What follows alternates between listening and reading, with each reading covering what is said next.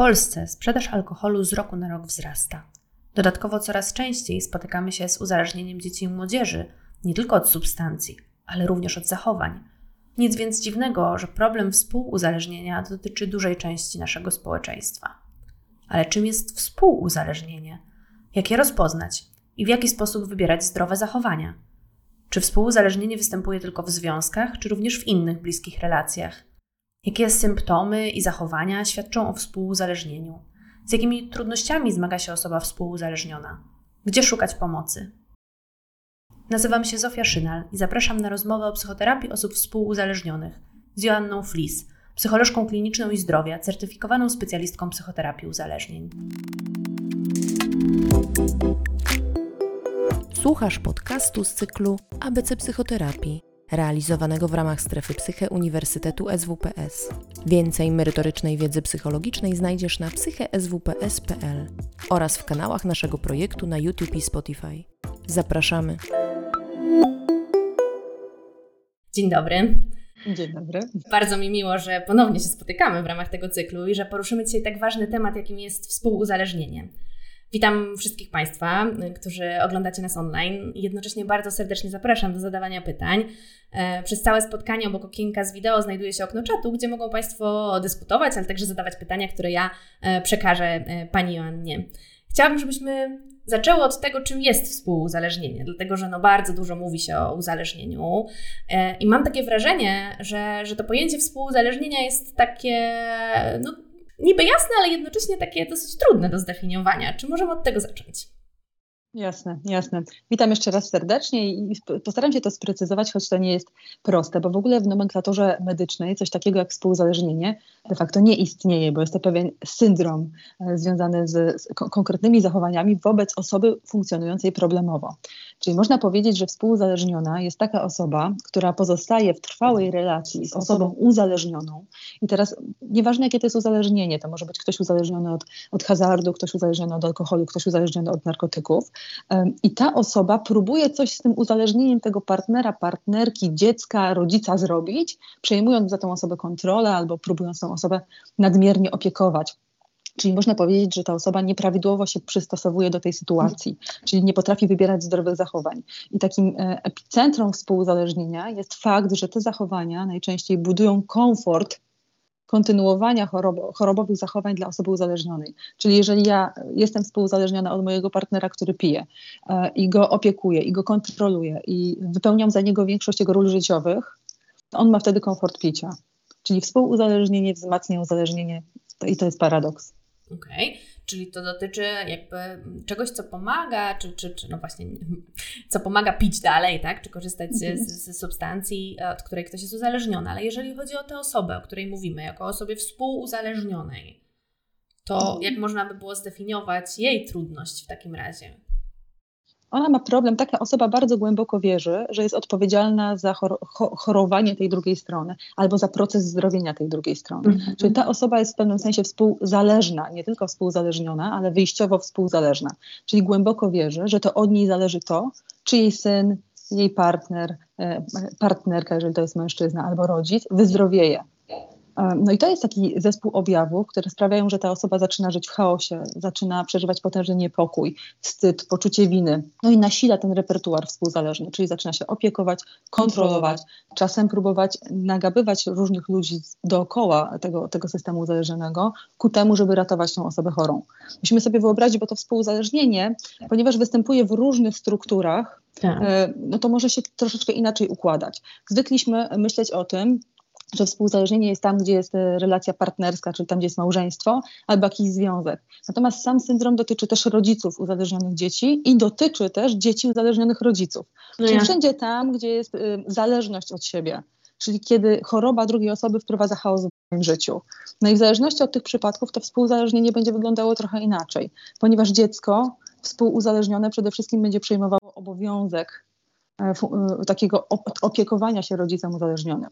E, partner, partnerka przede wszystkim będzie próbował zapanować nad chorobą partnera, partnerki po to, żeby uratować na przykład swoje dzieci albo rodzinę, którą tworzy. Natomiast rodzic uzależnionego dziecka będzie miał kłopot z tym, na przykład z własnym poczuciem winy, związanym z myśleniem o tym, że być może jego styl wychowawczy doprowadził do, do choroby swojego dziecka. Także też tych współzależnień jest dużo. Jasne, i będą pewnie przybierały zupełnie różne formy i pewnie zupełnie inaczej będziemy e, traktowali współuzależnienie no, dziecka, bo, bo, bo zwykliśmy jakoś myśleć o tym, że ono jeszcze nie decyduje samo o sobie i nie do końca ma szansę wychowując się być może w takim środowisku na wykształcenie tych zdrowych mechanizmów. Czy możemy się trochę przyjrzeć takiemu właśnie no, dziecku, które wychowuje się w rodzinie, w której no, jeden z rodziców jest osobą uzależnioną? Z czym ono się zmaga?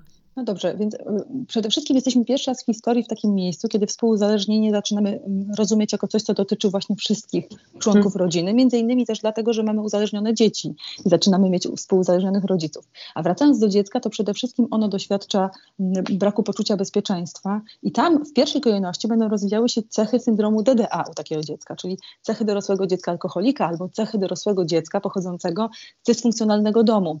Natomiast wtórnie do syndromu DDA może się pojawiać poczucie odpowiedzialności za tego rodzica w wyniku na przykład parentyfikacji, czyli odwrócenia ról, kiedy dziecko zaczyna być rodzicem swojego rodzica, jakkolwiek to nie brzmi.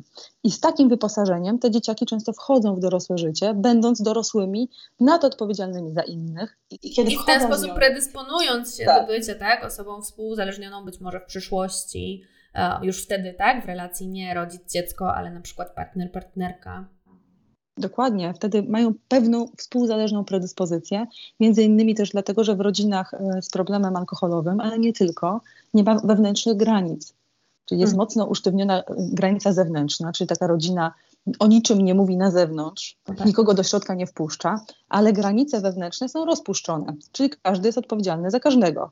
I to jest specyfika rodzin dysfunkcjonalnych, bo rodziny zdrowe mają odwrotne granice, czyli ta zewnętrzna jest przepuszczalna, a te wewnętrzne są dość sztywne, gwarantujące autonomię. Więc osoba, która się wychowuje w takim domu rodzinnym z tymi rozpuszczonymi granicami, będzie miała po prostu szaloną tendencję do tego, żeby wchodzić w relacje współzależne. Nie zawsze tam jest e, uzależnienie po drugiej stronie. Czasem to może być relacja z partnerem, partnerką funkcjonującą w inny sposób problemowo. Jasne, że tak. No właśnie, i jeżeli mówimy o takim czymś, co, tak jak sama powiedziałaś, do tej pory, głównie kiedy myśleliśmy o współuzależnieniu, myśleliśmy o, e, o relacji partnerskiej, no i pewnie stereotypowo wszystkim nam się jawi kobieta współuzależniona. Mm, I, i, i jak wygląda funkcjonowanie w takiej relacji? Partnerskiej. Tak. Jasne, wydaje nam się, że to dotyczy przede wszystkim kobiet. Jest takie powiedzenie, które krąży między terapeutami, którzy się zajmują, zajmują współuzależnieniem, że na 10 współuzależnionych mężczyzn 9 odejdzie z tej relacji, a na 10 współuzależnionych kobiet 9 mm, zostanie. Okay. To są te proporcje. Czyli my mamy podobno jako kobiety, e, i ja to widzę w gabinecie terapeutycznym, tendencję do tego, żeby bardzo długo przesuwać granice normy po to, żeby ratować tak zwaną rodzinę albo tak zwany związek. Czyli trochę jesteśmy jak ta żaba, taki syndrom. wytrzymać, tak? Mhm. Rozumiejąc to jako siłę, a gdzieś pewnie powiedziałybyśmy bardziej o tym, że, że więcej poświęcić siebie, swoich potrzeb, tak? Na rzecz właśnie utrzymania relacji, rodziny, związku. Mm. Kobiety, są trochę delegowane przez kod kulturowy, w którym żyjemy, do tego, żeby, żeby dbać o tak zwane domowe ognisko, albo do tego, żeby przyczyniać się do utrzymania homeostazy systemu. I, I, to brzmi bardzo pokracznie, natomiast każda rodzina, każda relacja, która, która e, się, się buduje, dąży do tego, żeby się nie rozpaść. To jest jedna z, z, podstawowych, fundamentalnych zasad psychoterapii systemowej. Czyli każda relacja dąży do homeostazy. I bardzo często w takich relacjach są ludzie, którzy są delegowani do tego, żeby podtrzymać homeostazę tej, tego systemu. I to są nie tylko współuzależnieni, ale też osoby na przykład właśnie z syndromem DDA, Czyli jeżeli system ma się rozpaść, taka rodzina ma się rozpaść, rozpaść i nie może podejmować swoich zadań życiowych, czyli opiekuńczych i wychowawczych, y, ta, ta rodzina ze względu na pijącego na przykład ojca, no to wtedy wszyscy w tej rodzinie są delegowani do konkretnych ról. Mamy bohatera rodzinnego, tak? Mamy maskotkę, mamy kozła ofiarnego, czyli wszystko, co dotyczy syndromu DDA i mamy współuzależnioną, która próbuje przejąć y, kontrolę nad kimś, kto wprowadza ten chaos. Okej. Okay. A jak to będzie wyglądało w takim razie w tym trzecim przypadku, o którym, o którym wspomniałaś, czyli w tym momencie, kiedy dziecko no, przejawia jakieś no, zachowania, które mogłyby sugerować o uzależnieniu. Już zdążyły się pojawić pytania na czacie w trakcie, kiedy mówiłaś właśnie o te dzieci, więc myślę, że być może jeszcze krótko o uzależnieniach wśród dzieci, jak rozpoznać takie pierwsze symptomy uzależnienia oraz właśnie jak funkcjonuje ten współuzależniony system współuzależniony system wobec uzależnionego dziecka. Więc u dziecka rozpoznajemy uzależnienie wtedy, kiedy ono po pierwsze ma w sobie wykształconą naukową regulację uczuć, czyli próbuje regulować uczucia, sięgając po zachowania nałogowe. No i najczęściej to, jest, jest to są to zachowania związane z, z tak zwanym szklanym ekranem, tak? czyli, przepraszam Państwa, spędzi mi gardło, z tak zwanym szklanym ekranem, e, czyli z grami komputerowymi, z telefonem, z, z, ze wszystkim, co jest związane z, z e-uzależnieniami. I możemy powiedzieć, że u takiego dziecka rozwija się uzależnienie wtedy, kiedy ono zaczyna ponosić szkody w związku z tym swoim zachowaniem. O jakiego rodzaju szkodach możemy, możemy mówić? Czy dla dziecka to będzie szkoda, że ono tam, no nie wiem, nie odrobi zadania? Pewnie różnie oczywiście, e, ale czy to jest tak, że czasem to jednak to dzieci zauważają te szkody, czy może być tak, że, że najpierw jednak rodzice mogą zaobserwować jakieś zmiany zachowania? Najczęściej to jest tak, że rodzice zaobserwują, że dziecko na przykład znacznie przekracza ilość czasu spędzanego w sieci, na rzecz y, właśnie ze szkodą dla jego szkoły albo innych obowiązków domowych, ale też y, na rzecz relacji społecznych. Czyli rodzice często zauważają, że ich dziecko przepada gdzieś w sieci. Natomiast y, dzieci też są dość krytyczne wobec tych swoich zachowań nałogowych w sieci, ponieważ bardzo często same opowiadają o tym, że na przykład kiedy nie mają dostępu do telefonu, to się nudzą, nie potrafią zarządzać swoim własnym czasem, że nie mają pomysłu na to, co mogą ze sobą robić.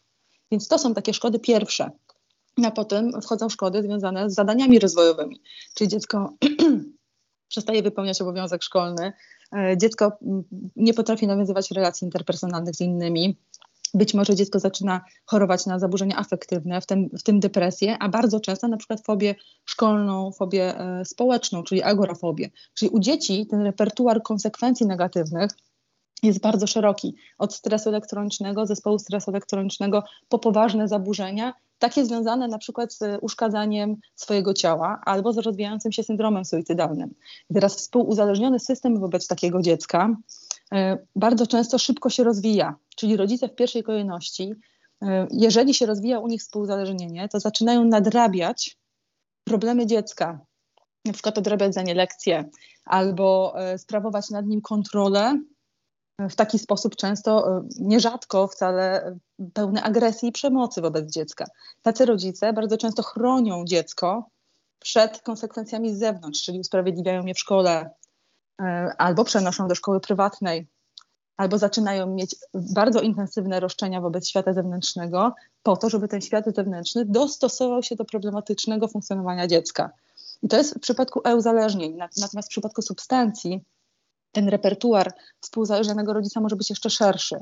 To może być utrzymywanie dziecka, kiedy ono już jest gniazdownikiem, czyli tak naprawdę dorosłym, który przebywa w gnieździe rodzicielskim. Czasami się mówi o tym zagracone gniazdo, czyli zagraca to gniazdo e, rodziców, tak? Czyli to jest też e, na przykład wpływanie na, na kształt rodziny własnego dziecka uzależnionego, wtedy kiedy matki przejmują obowiązki swoich własnych synów uzależnionych wobec ich dzieci pewnie cały szereg takiego różnego rodzaju zachowań, e, które na pierwszy rzut oka nie wydają się być, e, e, być właśnie świadczyć o, o współuzależnieniu, mogłybyśmy przytoczyć. To, to, co wydaje mi się podsumowaniem tego, co powiedziałaś, no to właśnie chyba to zabieranie konsekwencji. I to pewnie będzie dotyczyło wszystkich e, współuzależnionych osób. Czy tak można by było jakoś zdefiniować te, te, ten rodzaj zachowań? Tak, osoby uzależnione czasem mówią, że żeby się odbić, najpierw trzeba upaść na dno. No i to dno dla każdego jest troszkę w innym miejscu. W przypadku osób współuzależnionych e, przede wszystkim towarzyszy im taki lęk przed tym, żeby ten, ta druga osoba dotknęła tego dna. I w przypadku rodziców jest to związane z poczuciem rodzicielskiego obowiązku. W przypadku partnerów, partnerek często związane jest to z lękiem przed utratą związku albo przed utratą partnera, z którym wychowuje się, albo partnerki, z którą wychowuje się dzieci. Więc tak, tak naprawdę ta motywacja jest różna i naprawdę osoby współuzależnione wierzą w to, że ich zachowania chronią e, tych uzależnionych bliskich, czyli ich ratują. A w praktyce wygląda to tak, że osoba współuzależniona działa na rzecz choroby, a nie na rzecz zdrowia. Czyli zaczyna e, chronić chorobę i pozwala tej chorobie się rozwijać. Jak spojrzymy na takie przekazy społeczne, to bardzo często kobiety słyszą, że jeżeli mężczyzna chodzi w niewyprasowanej koszuli, to jest ich wina. Czy też musimy sobie trochę spojrzeć z takiej perspektywy kodu kulturowego, że są delegowane do tego, żeby nie pozwalać temu mężczyźnie dotykać dna, bo jak on dotknie dna, to znaczy, że to jest ich wina. Bardzo często jest też z rodzicami. Sytuacja jest bardzo podobna. Rodzice, którzy mają problemy wychowawcze z własnym dzieckiem, często doświadczają ostracyzmu społecznego, i ludzie przypisują im jedyną odpowiedzialność za to, co się dzieje. I to jest też jeden z powodów, dla których współuzależnieni nie tylko chronią e, osoby chore przed konsekwencjami, ale też nie sięgają po pomoc na zewnątrz że chronią jakoś e, tak swoją tak, samoocenę, być może swój wizerunek w, w, oczach e, innych ludzi. To, co powiedziałaś, to jakoś chyba dotyczy takiej też przekraczania znowu granic i jakiejś takiej autonomii, no bo jeżeli matka myśli, że jest odpowiedzialna za dorosłe dziecko i może kontrolować jego życie i zachowanie, albo partner czy partnerka mm, podobnie czuje w stosunku do, do, do, do, swojego partnera, to, to gdzieś gubi nam się autonomia no, nie do końca rozumieją, czym autonomia jest, ponieważ zachowania osoby chorej traktują trochę jak swoje własne zachowania, ponieważ biorą za nie odpowiedzialność. Bardzo często jest tak, że nie mają tych granic. Te granice są przepusz- przepuszczalne bardzo. Natomiast bardzo często patrzą też na uzależnionych, jak na takich, którzy nie mają granic. I to nie tylko współuzależnieni, ale, ale bardzo często my systemowo tak patrzymy. Nie myślę o paradygmacie, tylko myślę o systemie społecznym. Wydaje nam się, że jak ktoś jest uzależniony, to można mu zrobić różne rzeczy, po to, żeby ta osoba prze, przestała na przykład pić. Czyli zgadzamy się na to, żeby osobę uzależnioną na przykład pozbawiać jej własnych środków finansowych bez jej zgody. Jakbyśmy spojrzeli na to, czym, z czego wyrastają współzależnieni, jak patrzą na granice relacyjne, to, to nie jest tylko ich osobisty problem, tylko to jest nasze społeczne przyzwolenie na to, żeby osoby uzależnione, uzależnione traktować gorzej, tylko dlatego, że są uzależnione.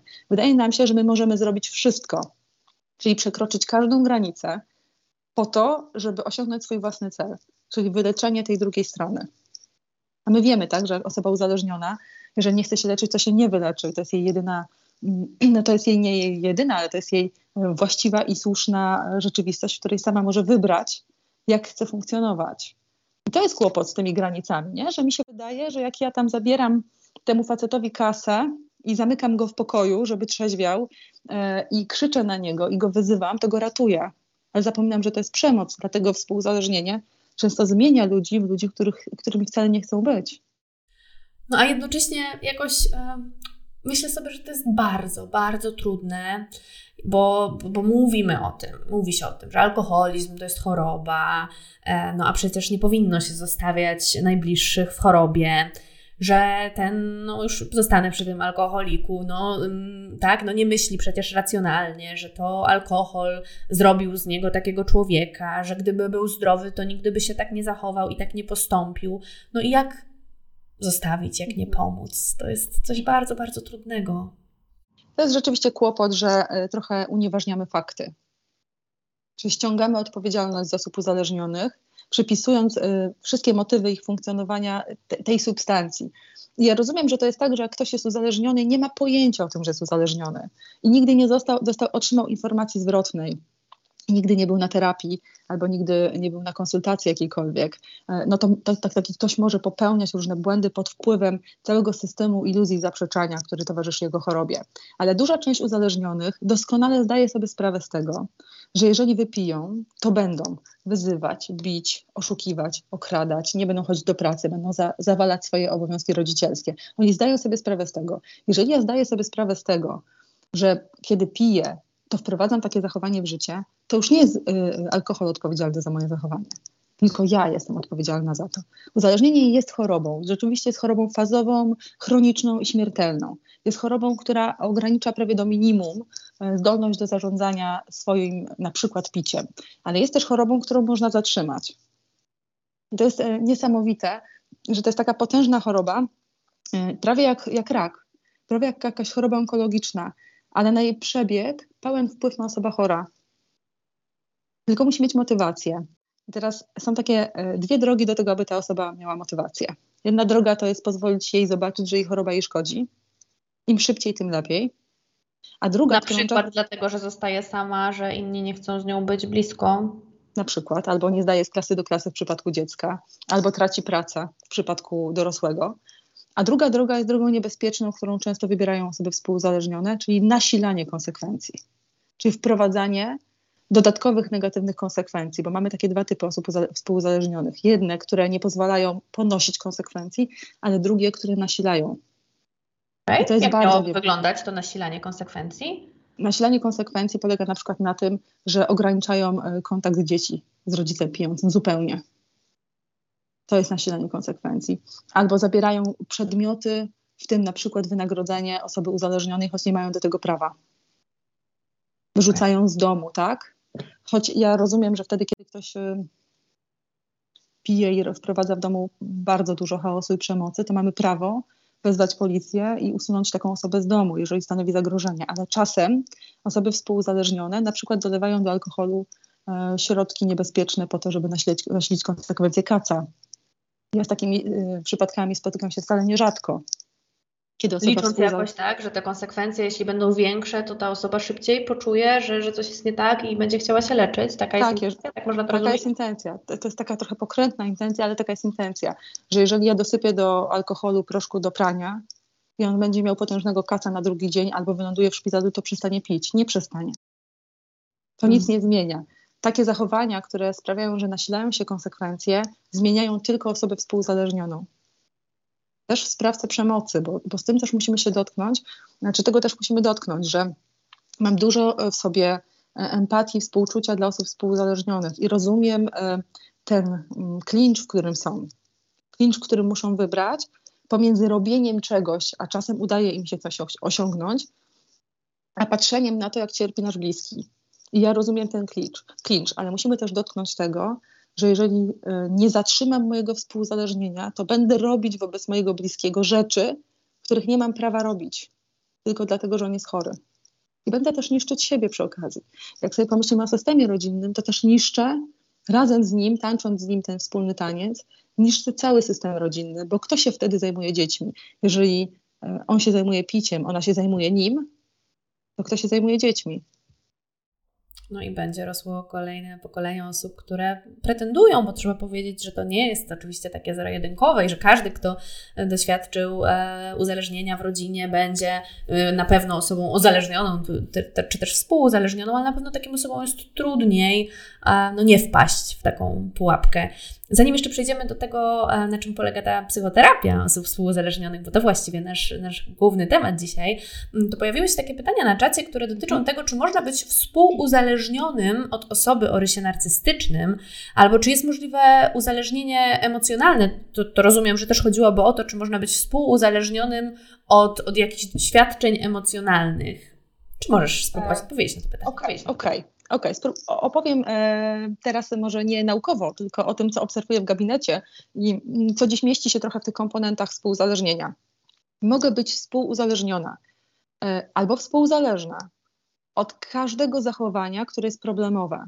Czyli e, jeżeli wpadam na pomysł, że mogę je zmienić, jeżeli mój partner jest sprawcą przemocy i regularnie dopuszcza się przemocy, a ja próbuję robić różne rzeczy, żeby on się zmienił, zamiast odejść i ratować siebie, czyli wybieram, a, a jednocześnie ukrywam to, że mi to robi, to to są zachowania współzależne, bardzo, bardzo podobne do współuzależnienia. Za każdym razem, kiedy funkcjonujesz w relacji z osobą, która wprowadza e, toksyczny e, chaos w Twoim życiu, e, i ty zajmujesz się opanowaniem tego, tego, tego toksycznego funkcjonowania, naruszając siebie, czyli ponosząc negatywne konsekwencje osobiste, to jest to współzależność, jest to w pewnym sensie współzależnienie. I czy można być współzależnionym od emocji? Nie wiem, czy to jest współzależnienie, ale w pewnym, w pewnym e, sensie, jeżeli ja bardzo długo żyję w, takiej, w takim świecie, w którym jest bardzo duża dynamika napięć i ulg, czyli jest taki nałogowy cykl, to jest duże prawdopodobieństwo, że ja tego będę potrzebowała. I wtedy. Taki emocjonalny z... roller coaster. To, to, to tak zazwyczaj to pacjenci nazywają. Mhm. Dokładnie, wtedy mogę wejść w związek z osobą problemu, y, funkcjonującą problemowo, bo to jest, patrz, jaka to jest potężna siła. Wchodzę w związek z kimś, kto funkcjonuje problemowo. Wkładam bardzo dużo wysiłku w to, żeby zapanować nad chaosem. Czasem mi się udaje. Czasem on się nie napije, czasem pójdzie na odwyk, y, czasem zostaje, zostanie ze mną w domu, czasem wypije tylko jedno piwo, tak? I jeszcze I to jest sukces. na mnie. i zrobi to dla mnie. Tak, zaczynam wierzyć, że mam tę moc. No i my wierzymy jako kobiety często, że mamy tę moc, no bo też archetyp kulturowy jest taki, że kobieca miłość zmienia, tak? E, mężczyznę w, e, w wielonka, tak? Że w ogóle miłość zmienia. Miłość tak, zmienia. to jedno chyba z takich bardziej naiwnych wierzeń. Jakieś takie przekonanie. No ale czasem tak jest, nie? Że, że, że, że udaje mi się to osiągnąć. I to jest potężna radość, to jest potężna ulga. Jestem w napięciu, w napięciu, w napięciu i potężna ulga. I to jest jak uzależnienie.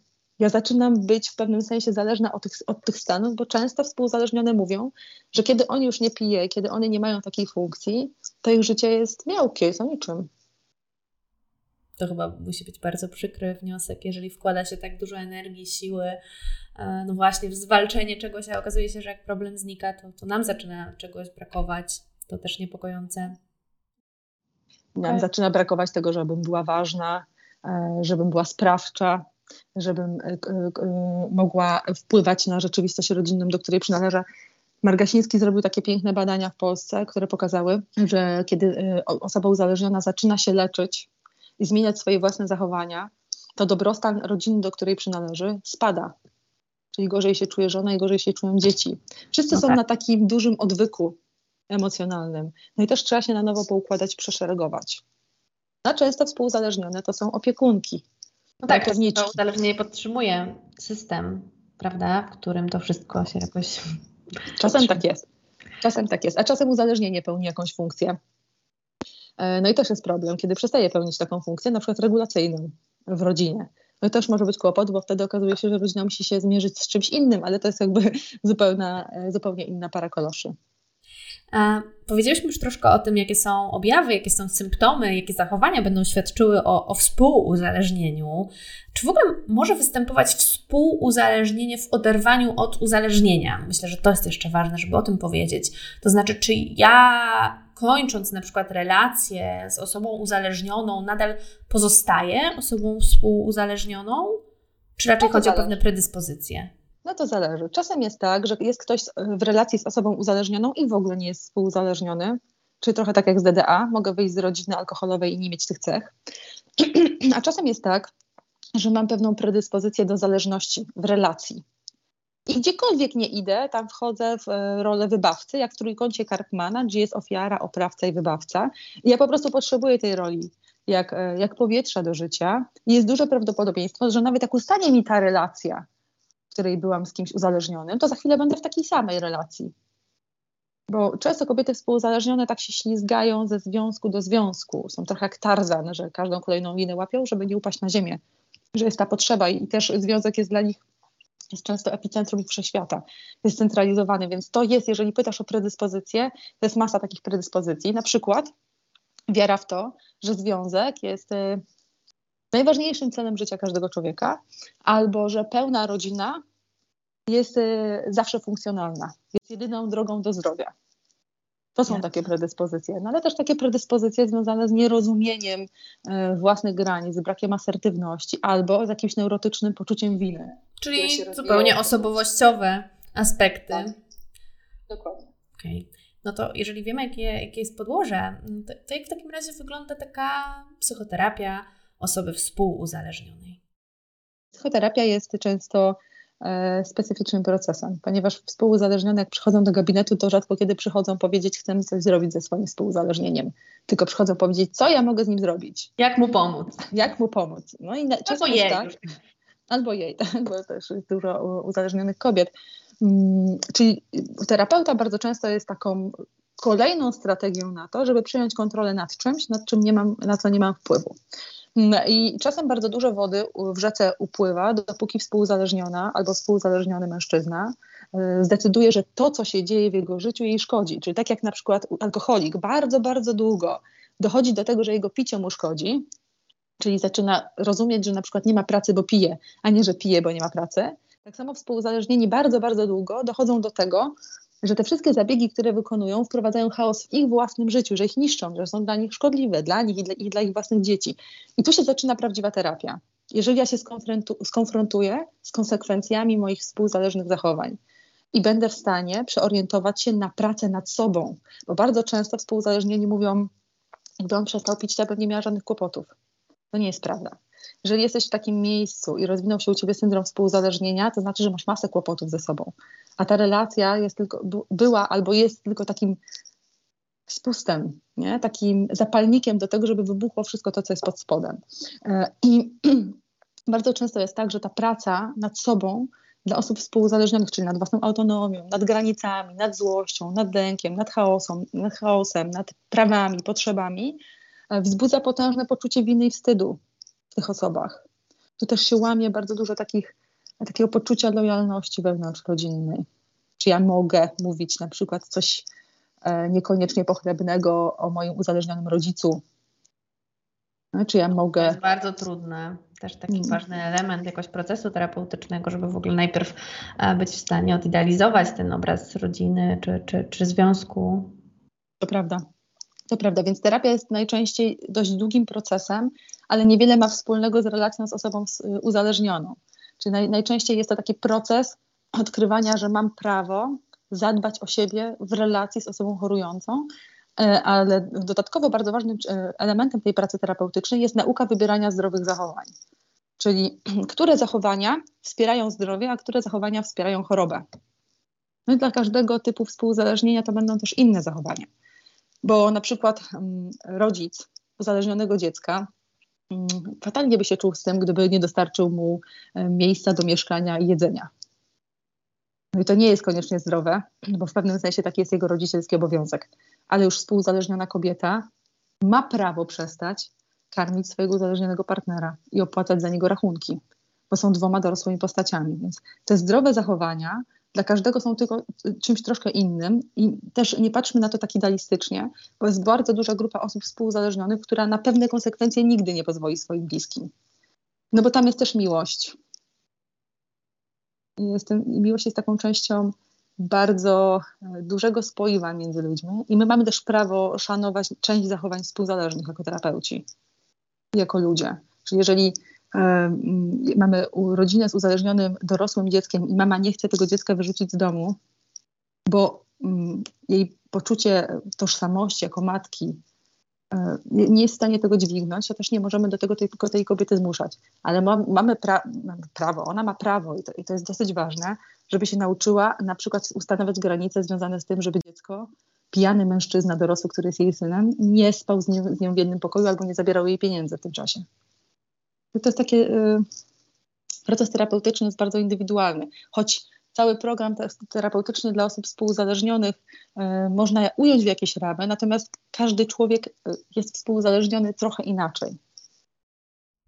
No, myślę, że, że, to jest bardzo znaczące, co powiedziałaś, e, podając przykład takiej matki, że no, no jednym aspektem jest to, czy ona wspiera, czy nie wspiera uzależnienie syna, ale w pewnym momencie to ma wpływ na, na nią, na jej no, jakąś tożsamość, ale też na jej granice, na to, że jeżeli jej się dzieje krzywda i ona pozwala na to, żeby jej działa się krzywda, chcąc chronić swoje dziecko, no to będziemy mówić tutaj o, mm, no, o, o dużym problemie właśnie takim osobowościowym, na który trzeba by na pewno zwrócić uwagę.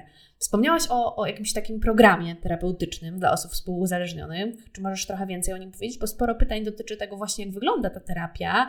Na przykład, czy, czy metoda 12 kroków będzie tutaj adekwatna dla osoby współuzależnionej? Jest taka metoda 12 kroków opracowana przez kobiety współuzależnione, Al-Anon, która opiera się na, czym, na, na bardzo podobnych założeniach. Na przykład na takim założeniu, że przyznaję, że nie mam wpływu na jego chorobę. Uzależniony w 12 krokach na początku przyznaje, że nie ma wpływu na własne życie, a współuzależniona w pierwszym kroku przyznaje, że nie mam wpływu na e, własne życie, w sensie na e, funkcjonowanie mojego uzależnionego partnera i jest to jakiś program wspólnotowy. No, ja nie jestem e, specjalistą od programu 12 kroków, bo on najczęściej dotyczy osób, które są współuzależnione albo uzależnione, natomiast jest program obowiązujący, który opiera się na koncepcji profesora Beli Brudy i Zofii Sobolewskiej Moi Brudy, który jest programem bardzo podobnym do programu z osobami z syndromem DDA czyli ukierunkowanym na to, żeby najpierw rozpoznać, e, które zachowania są współzależne, nauczyć się wybierać zachowania zdrowe, nauczyć się budować e, asertywne postawy, zrozumieć, czym są granice, zrozumieć, czym są prawa, potrzeby, uporać się z pewnymi emocjami, ale bardzo często w terapii trzeba zacząć od e, leczenia konsekwencji współzależnienia, bo często kobiety współzależnione, tak się na nie uparłam, ale ich jest naprawdę wie, wie, więcej niż mężczyzn, one jak trafiają do terapii, e, to, to chorują. Bardzo często już jak się decydują na terapię, to są w fatalnym stanie. Bardzo często same są uzależnione na przykład od leków uspokajających, albo cierpią na depresję przewlekłą, albo cierpią na zaburzenia lękowe, albo cierpią na jakieś choroby psychosomatyczne, więc często jest tak, że jeżeli zaczynamy terapię, to współuzależnienie ok, jest jakimś procesem, który się rozpoczął, ale musimy leczyć dużo rozleglejsze konsekwencje. Hmm, konsekwencje takiego długotrwałego, długotrwałej frustracji, jakoś być może ważnych potrzeb emocjonalnych, chociażby takich jak poczucie bezpieczeństwa, e, czy, czy bezpieczeństwo w relacji. Tak, dokładnie. To, to, osoba współzależniona e, jest ciągle w takim procesie jak osoba, która jest na wojnie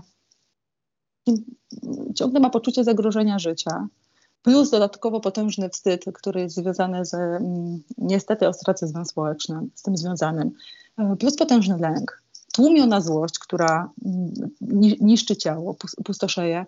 Więc no, jakby to jest bardzo dużo kłopotów takich osób. No i, i jeszcze osoby współzależnione bardzo często stawiają swoje potrzeby i swoje negatywne konsekwencje na samym końcu. W związku z czym nie dziwią nas, tak, objawy depresyjne, lękowe, e, skutki przewlekłego stresu dla organizmu i wszystkie te rzeczy, które, które wymieniłaś. A czy można pomóc sobie jakoś samemu? Tutaj wiele pytań na czacie dotyczy tego, no właśnie, jak zacząć, co mogę zrobić dla siebie w relacji, jak wyjść z takiej roli Tarzana, e, jak sobie pomóc. Czy jedyną drogą byłaby psychoterapia? Ja myślę, że tak. Mm, napisałam książkę, która niedawno wychodzi, o niej pozwolę sobie powiedzieć, bo wychodzi w wydawnictwie Znak 9 e, marca o współuzależnieniu i tam proponuję taki program e, pracy samemu ze sobą, bo książka jest tak naprawdę poradnikiem terapeutycznym i myślę, że to może być dobry pomysł do, na to, żeby zacząć żeby w zaciszu domowego ogniska sobie to troszkę pooglądać swoje własne zachowania, skoncentrować się troszkę na sobie. Natomiast nic nie, e, nie zastąpi pracy z drugim człowiekiem i z terapeutą. Więc warto zacząć od tego, e, żeby dobrze się zdiagnozować, może odwiedzić specjalistę, żeby zobaczyć, jaki jest ten mój e, repertuar potrzeb, jaka, jaka jest mapa moich potrzeb, e, żeby na to ktoś spojrzał z boku, bo współzależnienie jest takie specyficzne, bo to jest taka, taki syndrom ciszy towarzyszy, czyli współzależnieni bardzo długo są cicho. Bardzo długo nie konfrontują siebie, swojego życia, swojego funkcjonowania i swojego związku ze światem zewnętrznym. I drugi człowiek jest taką bramką, taką furtką. Od drugiego człowieka zaczyna się zmiana. Jeżeli ja pozwolę sobie otworzyć buzię i powiedzieć o tym, co czuję, co robię, jak wygląda moja rzeczywistość i wypuścić to w świat, to to jest największy krok, jaki mogę wy wykonać. Dopóki siedzę w swoich czterech ścianach i, i, nikomu nie mówię o moim własnym dramacie i próbuję poradzić sobie z nim sama, sam, najprawdopodobniej nigdy z tego nie wyjdę. Jeżeli, nie mam, jeżeli ktoś z Was nie ma zaufania e, do, do pracy terapeutycznej albo jeszcze takiej gotowości do tego, żeby pójść do, do, do, do terapeuty, no to warto porozmawiać z kimś bliskim, przyjaciółką, przyjacielem, czyli zacząć mówić o tym, bo kiedy mówimy, to możemy to obejrzeć. No i czasem też dopiero wtedy coś staje się realne. Bardzo dużo różnego rodzaju mechanizmów psychologicznych pozwala nam spychać gdzieś no właśnie, głęboko różnego rodzaju trudności. To nie dotyczy tylko współuzależnień. E, I dopiero kiedy powiemy coś na głos, kiedy to sami usłyszymy, to staje się czasem e, realne. Mhm, to prawda, to prawda. Także jestem wielkim fanem, y, żeby zacząć od drugiego człowieka. Natomiast możecie też sięgnąć po masę y, dobrych poradników. Na przykład y, pani Ewa Wojdyło swego czasu pisała bardzo dużo E, mądrych treści, w tym książek na temat współzależnienia. Jest to niekwestionowany autorytet w tej dziedzinie, więc, więc zachęcam Was do tego, żebyście sięgali po literaturę, ale też po ludzi, bo wgląd nie leczy, wiecie, jak to jest. Sam wgląd nie wystarczy. Tak, wiedza właśnie. No właśnie. Takie, takie jest ograniczenie poradników e, mogą być wspaniałe i na pewno są dobrym początkiem, e, żeby sobie poprzyglądać się różnym rzeczom, natomiast no, no tak jak już zresztą powiedziałaś, warto, warto z kimś porozmawiać. Więc no, od y, y, polecenia literatury y, mamy ze sobą, może jeszcze do tego na koniec wrócimy, bo tego też dotyczą pytania, natomiast jeszcze chciałabym przekazać kilka pytań od uczestników czatu. Dotyczące jakoś dalej terapii. E, jaki jest nurt terapeutyczny? Czy, no właśnie, czy żeby leczyć współuzależnienie powinno zgłosić się do e, terapeuty e, uzależnień, czy być może jakiś inny nurt terapeutyczny będzie odpowiedni? Tutaj e, ktoś z uczestników pyta o, o leczenie zależności. W jakim nurcie mogłabyś polecić? Mhm. Jest taka e, szczególna specjalizacja w psychoterapii, to się nazywa e, psychoterapia uzależnień i współuzależnienia i to jest taki szczególny nurt. On wykorzystuje najczęściej interdyscyplinarnie różne metody, ale opiera się na, na, na metodach poznawczo-behawioralnych. I to w pierwszej kolejności. Warto sprawdzić, czy, czy terapeuta, z którym pracuje, jest rzeczywiście terapeutą, który się specjalizuje we współuzależnieniu ponieważ jest to dość specyficzne zjawisko i rzeczywiście warto, żeby osoba, która tam pracuje, rozumiała współuzależnienie i miała doświadczenie w tym zakresie, ponieważ mechanizmy współuzależnienia są tak e, pokrętne e, i tak przebiegłe, że osoba, która nie ma takiego doświadczenia, może podążać razem ze współzależnionym tą ścieżką poszukiwania wpływu na uzależnionego latami. I to nie będzie zdrowe, więc na to warto uważać. E, więc warto z tego skorzystać. Natomiast jeżeli chodzi o resztę paradygmatów i zależność, no to, to trudno mi polecić jakiś konkretny, bo warto wybrać po prostu takiego terapeuta, z którym jesteście w stanie nawiązać przymierze terapeutyczne. Tak, będzie to pewnie mm, wskazówką, że szukalibyśmy raczej terapii takich długoterminowych, wglądowych, e, no bo jeżeli chcemy zmieniać strukturę osobowości, mówimy o czymś, co, co jest z nami od zawsze, jako taka pewna, no mamy czasem takie wrażenie, że właśnie no od zawsze tak mamy, e, to, to tutaj raczej pewnie chodziłoby o takie terapie długoterminowe, mm, oparte mocno o relację terapeutyczną. E, a czy możliwa jest taka terapia na NFZ? Czy możesz powiedzieć o, o leczeniu? Tutaj akurat e, uczestnicy czatu, czatu pytali o, o, DDA, no ale gdzieś się poruszamy w tym. Mówiłyśmy już o tym, że ani DDA, ani, ani, ani tak naprawdę współuzależnienie nie są terminami takimi klinicznymi, żebyśmy mogli, e, no, ale, no ale leczy się współuzależnienie również w ramach, w ramach Narodowego Funduszu Zdrowia. W jaki sposób? Tak, leczy się, ponieważ przypisuje się mu taką kategorię związaną z zaburzeniami adaptacyjnymi czyli takie, takimi zaburzeniami, które się pojawiają w wyniku długotrwałego stresu. E, rzeczywiście wszystkie poradnie uzależnienia i współuzależnienia w Polsce refundowane przez NFZ mają program dla współuzależnionych. Ten program jest ogólnodostępny, w większości placówek jest bardzo podobny. I to jest miejsce, do którego warto rzeczywiście e, w pierwszej kolejności pójść. Poza NFZ-em, takimi miejscami, w których można skorzystać, są punkty konsultacyjne. Większość gmin, samorządów terytorialnych posiada chociaż jeden taki punkt konsultacyjny dla osób uzależnionych i współuzależnionych, który jest e, finansowany z Gminnej Komisji Rozwiązywania Problemów Alkoholowych, więc można też z tego korzystać. To nie jest długoterminowa terapia, ale to może być dobry punkt wyjścia do tego, żeby pójść na kilka konsultacji z takim psychologiem, terapeutą uzależnień, który tam dyżuruje. Także jeżeli chodzi o współuzależnienie, uzależnienie, to ten y, wachlarz możliwości, po które Państwo możecie sięgnąć, jest dość, dość szeroki. I czy to będzie dotyczyło również DDA? Nie. Jeżeli chodzi o DDA, to niekoniecznie. E, oczywiście osoby, które mają cechy syndromu DDA i są jednocześnie współuzależnione, bo są w związku z uzależnionym partnerem, partnerką, mogą korzystać z takiej terapii. No i tutaj praca nad współuzależnieniem i DDA będzie powiązana ze sobą, bo to jedno z drugiego wynika. Nad, e, bardzo często. Natomiast jeżeli ja mam cechy syndromu DDA, ale nie pozostaję w żadnej bliskiej relacji z osobą uzależnioną i nie mam cech współuzależnienia, no to tutaj trochę nie ma dla mnie ścieżki w poradni uzależnień. Na to bym mogła nad sobą pracować, chyba że mogę pracować w poradni zdrowia psychicznego, jeżeli cierpię na jakieś inne konsekwencje syndromu DDA, czyli depresję, tak, e, zaburzenia lękowe, nerwicowe. Więc no tutaj ten repertuar pomocy dla osób z syndromem DDA jest niewielki, no ale najczęściej jest tak, że jeżeli cierpię na cechy syndromu DDA, no to jednocześnie cierpię na różne inne zaburzenia, więc można skierować swoje kroki ku poradni zdrowia psychicznego i po prostu zorientować się, jaka tam jest oferta. Tak, na pewno nie zaszkodzi się zgłosić, e, skonsultować te swoje objawy z kimś, ze specjalistą e, i, i, dostać wtedy też być może jakąś wskazówkę, gdzie ewentualnie najlepiej się zgłosić w takiej sytuacji. Już coraz więcej jest też takich punktów zgłoszeniowo-koordynacyjnych, e, no także zachęcamy do poszukania w swojej okolicy. Powiedzieliśmy o tym, że w zasadzie do, do, do, tego, żeby wyjść ze współuzależnienia, wydaje się niezbędna psychoterapia, ale pewnie jest taki moment, kiedy. Możemy nie wejść we współuzależnienie, kiedy zaczynamy obserwować w swojej rodzinie, relacji e, pierwsze oznaki uzależnienia u dziecka, rodzica czy partnera e, i jeszcze możemy e, jakoś o siebie zadbać, bo, bo chodzi nam teraz przecież o nas właśnie, a nie o, o, o tę osobę uzależnioną. Jakie byłyby takie, no właśnie, prozdrowotne zachowania, o jakich zachowaniach będziemy mówić jako o takich dobrych w takiej sytuacji? Jeżeli to jest moje dziecko, no to im, jeżeli zauważam jakiekolwiek objawy związane z uzależnieniem u mojego dziecka albo mam wątpliwości, to największym prozdrowotnym krokiem, jaki mogę wykonać, to jest pójście do specjalisty.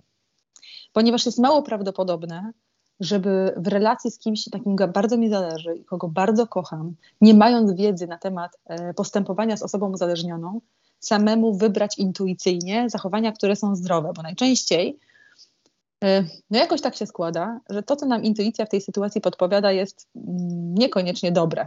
Czyli najczęściej intuicja nam podpowiada rozwiązania, które szkodzą i pogłębiają problem.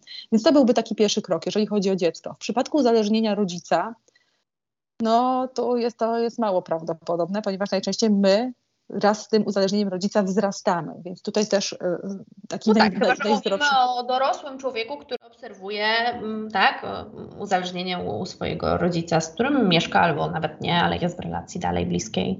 Mhm. No to taką pierwszą zdrową rzeczą jest nauka komunikacji na temat e, tego, co się dzieje, tak? Czyli no, domyślam się, że trudno jest powiedzieć własnemu rodzicowi, że na coś się nie zgadzamy, e, albo w czymś nie będziemy brać udziału, albo trudno jest mu nie udzielić pomocy, wtedy, kiedy rzeczywiście ta pomoc służy uzależnieniu, więc tutaj taka praca nad asertywnością byłaby najbardziej, e, najbardziej wskazana, moim zdaniem. Więc myślę sobie, że jeżeli ktoś nie ma takich umiejętności, to też terapeuta jest dobrym pomysłem. Czasem dobrym pomysłem jest sięgnięcie po, po, po książkę na na temat uzależnień, no bo najważniejsze jest, żeby przekroczyć takie przekonanie, że można tą chorobę leczyć w zaciszu domowego ogniska.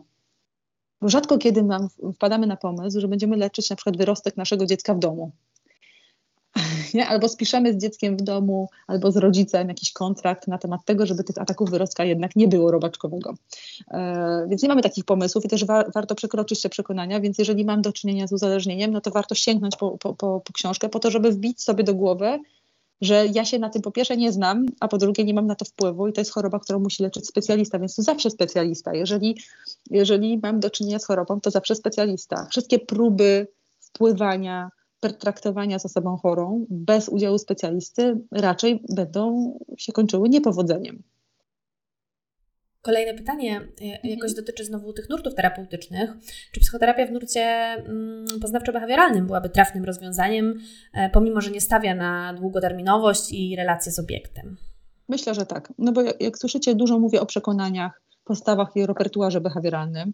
Mm, no i, i, z pewnością tu będzie bardzo, bardzo taka ciekawa praca nad wyzwalaczami e, związanymi na przykład z poczuciem winy wyzwalaczami zachow zachowań współzależnych, więc warto też uczyć się rozpoznawać, więc jak najbardziej. Nurt poznawczo-behawioralny jest nurtem, po który można spokojnie sięgnąć, e, pracując nad własnym współuzależnieniem, chyba że mocno rozpoznamy, że to współuzależnienie jest tylko pokłosiem jakichś innych naszych zaburzeń, no to wtedy trzeba by było jednak sięgnąć po głębszą pracę, na przykład psychodynamiczną, e, żeby sprawdzić o co chodzi i co my sobie tam załatwiamy, zachowując się w taki sposób.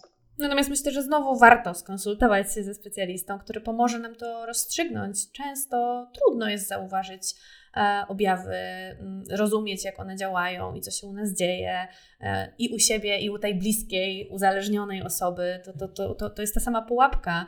Nie mamy dystansu do, do, do siebie i do swoich najbliższych. W związku z tym no, trudno jest nam spojrzeć tak z, loku, z lotu ptaka na to, co się dzieje, e, i, i w ten sposób decydować o tym, być może jaki nurt terapeutyczny byłby, byłby najbardziej odpowiedni. Mhm. Z pewnością taki też współzależniony w grupach Al-Anon.